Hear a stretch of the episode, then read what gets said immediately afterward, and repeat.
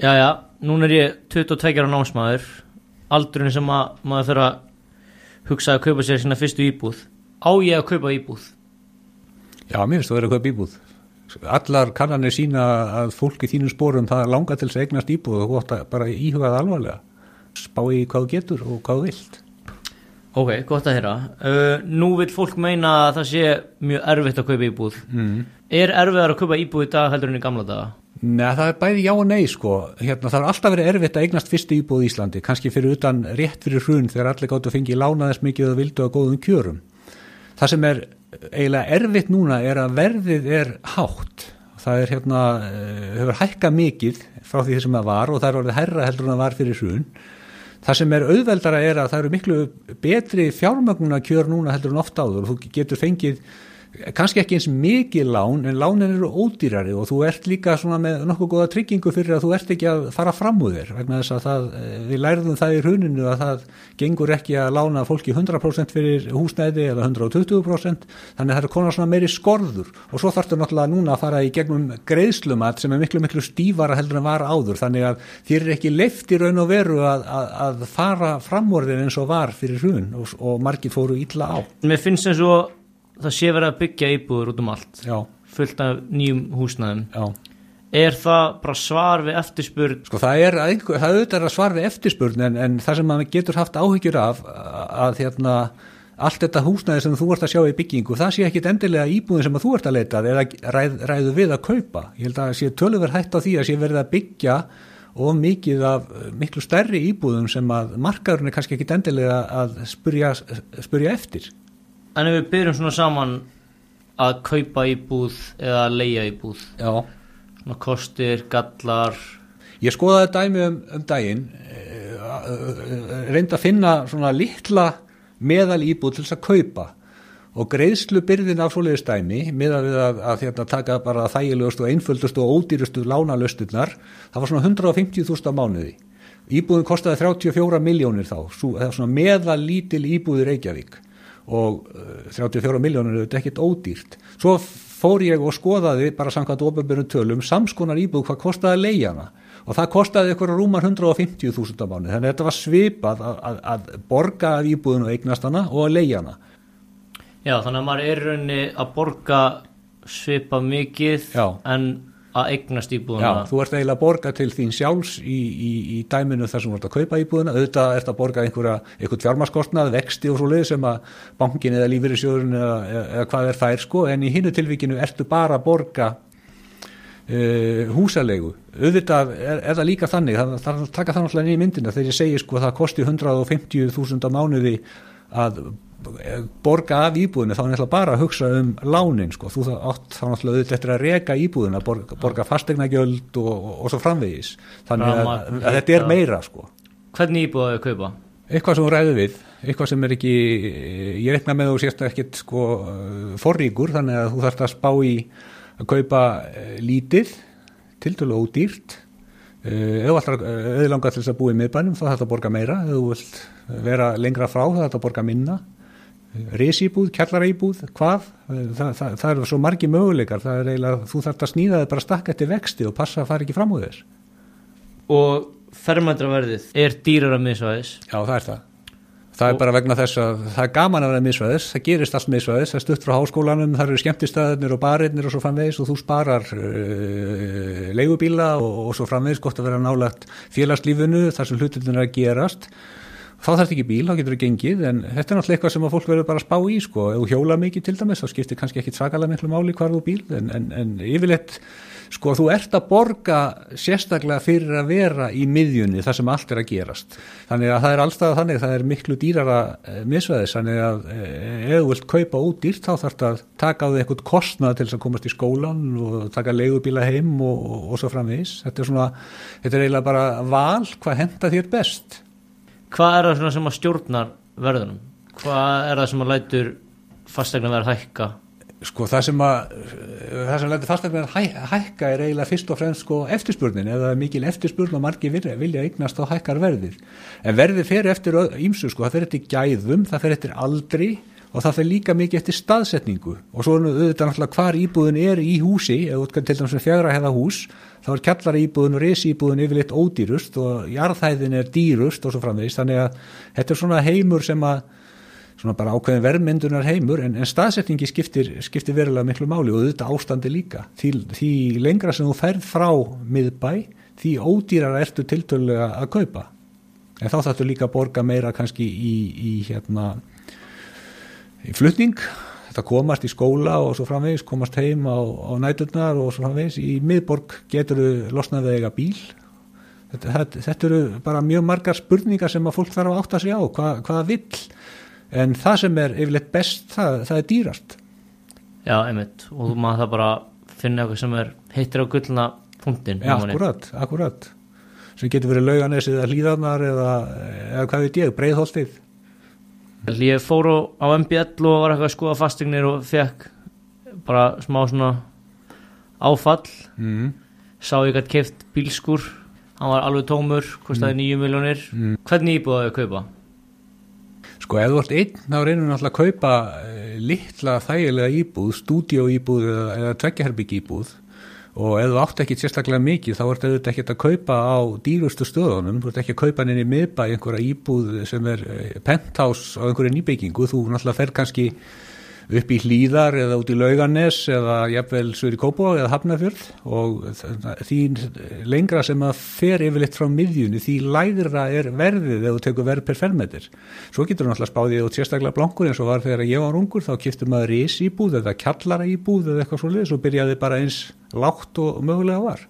Ég veit um dæmi þar sem að ung kona eh, hætti við að kaupa tveggjaherbyggi íbúð í, í, í miðborginni vegna þess að það var alltaf dýrt og alltaf mikið læti í kringum það þannig að hún ákvaða að fara aðeins út fyrir að kaupa þryggja og ná sér í leiðanda og það gekk mjög vel vegna þess að leiðandi náttúrulega hjálpa til með að borga þannig að einhverju tilvægum getur fengið stærri íbúð á sama verðu og þessa litlu vegna þess að litlu eru hlutarslega alltaf miklu dýrari. Hvernig er svona best að spara fyrir þessari eign?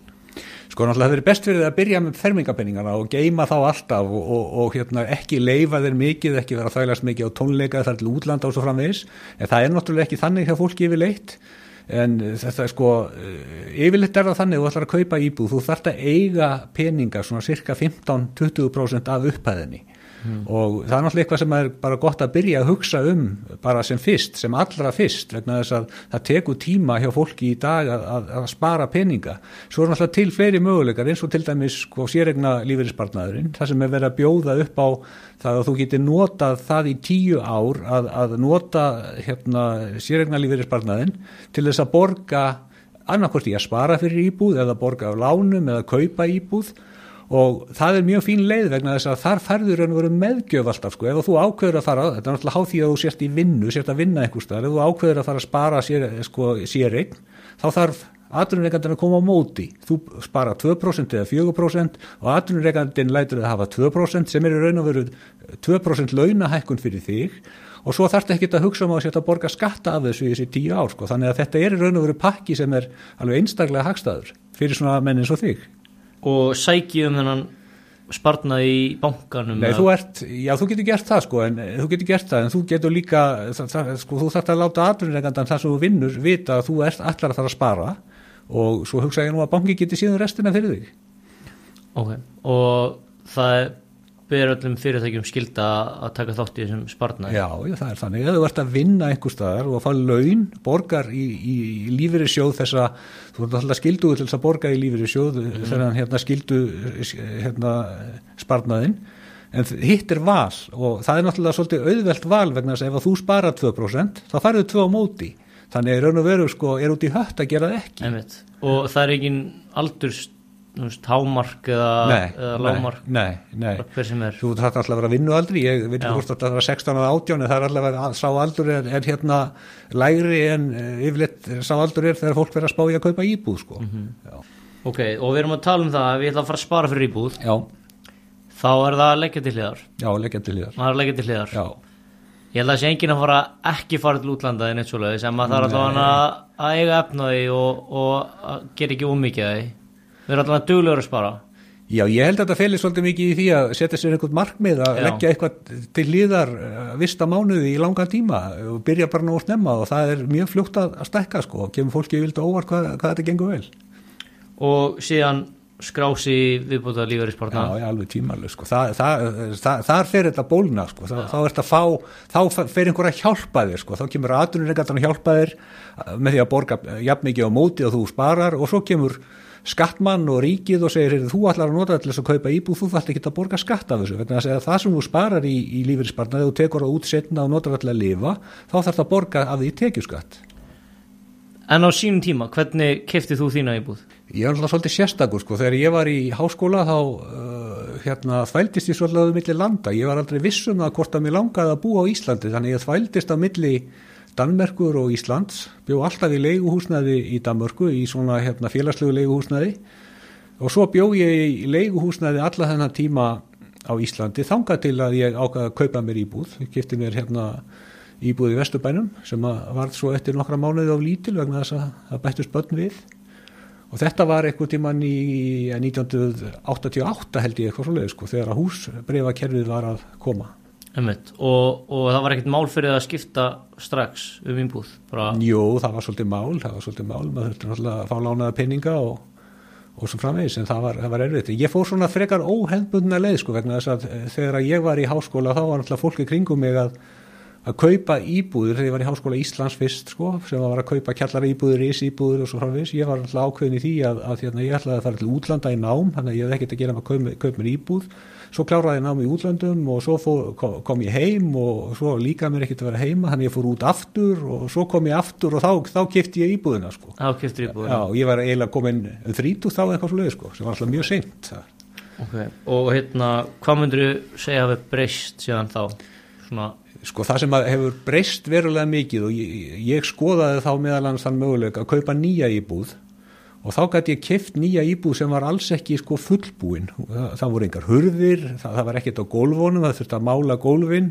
engar innréttingar, þannig að þá gæti ég keft mér íbúð og ég skoðaði þá til dæmis íbúð upp í Gráói það var að byggja það hverfi þá og þá hefði ég geta keft íbúð fyrir svona cirka 2 þriðju af fullu verði og flutt inn eins og fólk gerði og bara byrja smátt og smátt annarkvort að gera hlutina sjálfur eða láta það gera fyrir mig bara eftir því sem að ég hefði efna á því.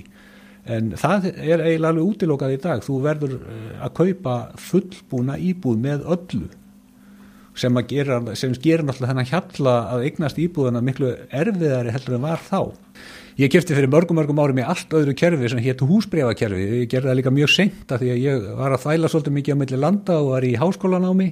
Þannig að ég var eiginlega komin um þrítugt þegar ég kefti íbúðlóksins og, og hérna það bara gekk ágætlega. Ég fekk bara íbúðalán og við unnum og við spörðum og svo framvegis og eins og fólk hefur alltaf gert. Það var alltaf verið erfitt að eignast íbúð í Íslandi. Fyrstu íbúð. Uh, hvað hefur breyst? Það er margt sem hefur breyst, til dæmis ef maður bara horfir á, á fjármögnunarkjörin og valið um möguleika til þess að taka lán, það hefur breyst mjög mikið, það er miklu fjölbreyttar að þú getur valið meira, en það sem hefur líka breyst ef maður tekur kostnaðina, þegar ég var á þínum aldri þá, þá gaf maður kift íbúðir sem maður var ekki búið að klára algjörlega. Þú gast hérna, ég skoðaði til dæmis íbúð upp í Gravarvogi á sínum tíma sem ég hefði geta fengið svona bara rúmlega fókelda vantaði hurðir inni, þetta voru útidir í íbúðinni en, en það vantaði hurðir og það voru ekki innréttingar og ekkert á gólfónum og svo framvegist þannig að það var þetta sem fólk gerði. Það fór inn í svona tiltölulega ráa íbúð og borgaði kannski tvo þriðju af fullu verði fyrir íbúðuna og svo kom hitt bara smá saman, annarkvöld gerur það sjálfur eða fegst eitthvað til að gera fyrir því. Og oft var þetta á löngum tíma sem að, sem að þetta gerðist, en núna þarf þetta að kaupa eiginlega fullbúna íbúð og borga 100% verð. Þannig að hjallin er orðin svolítið herri það er alltaf bara gott að byrja að leggja til liðar geima fermingapenninginn og, og, og setja sér markmiðum að reyna að leggja eitthvað til liðar í hverju mánuði, svo hefur þú farið að vinna þá hefur þú mögulegan með sérregna lífeyrisparnaðin að, að hérna, nota hann. Ef að þú ákveður að spara 2% þá þarf sá sem þú, vinnur hjá að koma með 2% á móti. Og svo kemur fjármálarhæður og segir þú ert alltaf að nota þetta í að, að kaupa íbúð, borgin að lána eða kaupa íbúð, þá þarf ekki að borga skatt af þessu. Þannig að það, þar eru bæði, sko, bæði fyrirtæki sem ert að vinna hjá og ríkið farið að hjálpa þér við að spara og þú ætti bara að segja já takk við því vegna þess að það er náttúrulega eitthvað sem maður getur einfallega ekki hafnað Þannig að ég á að vera löngu búin að skrá mig viðbúður lífærispartnað ef ég er ekki búin að því. ef þú ert að vinna þá þarftu eiginlega að fara að huga að því eða þú ætlar að kaupa þér íbúð vegna þess að það er svo grá upplagt að nota þessa leið vegna þess að hún er einföld og þægileg og hún er með meðgjöf Einmitt. Ég er svona komið að spytri sín á þessi íbúðarkaup. Takk aðeinslega fyrir komuna. Það var mjög frólægt að fá þig. Lærði mikið af þessu spjallakar. Þá getur næst.